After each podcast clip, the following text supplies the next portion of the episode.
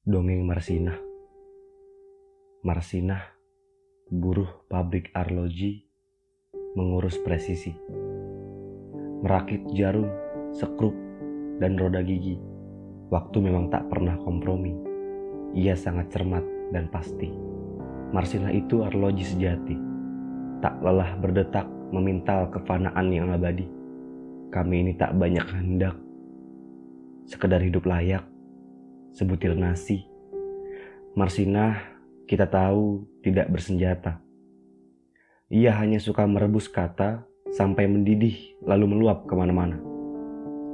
Ia suka berpikir, kata siapa? Itu sangat berbahaya. Marsinah tak ingin menyulut api, ia hanya memutar jarum arloji agar sesuai dengan matahari. Ia tahu hakikat waktu, kata siapa, dan harus dikembalikan ke asalnya debu. Di hari baik bulan baik, Marsinah dijemput di rumah tumpangan untuk suatu perhelatan. Ia diantar ke rumah siapa? Ia disekap di ruang pengap. Ia diikat ke kursi. Mereka kira waktu bisa disumpal agar lengkingan detiknya tidak kedengaran lagi. Ia tidak diberi air. Ia tidak diberi nasi. Detik pun gerah berloncatan ke sana kemari dalam perhelatan itu. Kepalanya ditetak, selangkangannya diacak-acak, dan tubuhnya dibiru lebamkan dengan besi batangan. Detik pun tergeletak. Marsinah pun abadi. Di hari baik bulan baik, tangis tak pantas. Angin dan debu jalan, klakson dan asap nalpot mengiringkan jenazahnya ke Nganjuk Semak-semak yang tak terurus dan tak pernah ambil peduli, meregang waktu bersaksi. Marsinah diseret dan dicampakkan sempurna sendiri. Pangeran, apakah sebenarnya inti kekejaman? Apakah sebenarnya sumber keserakahan?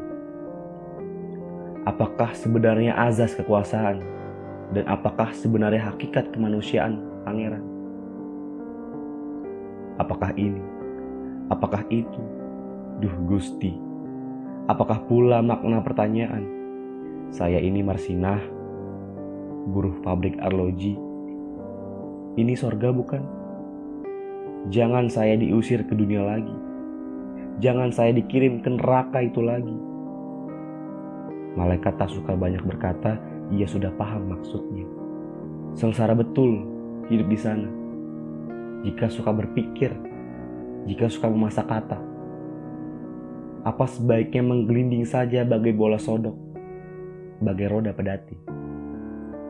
Malaikat tak suka banyak berkata, ia biarkan gerbang terbuka. Saya ini Marsinah.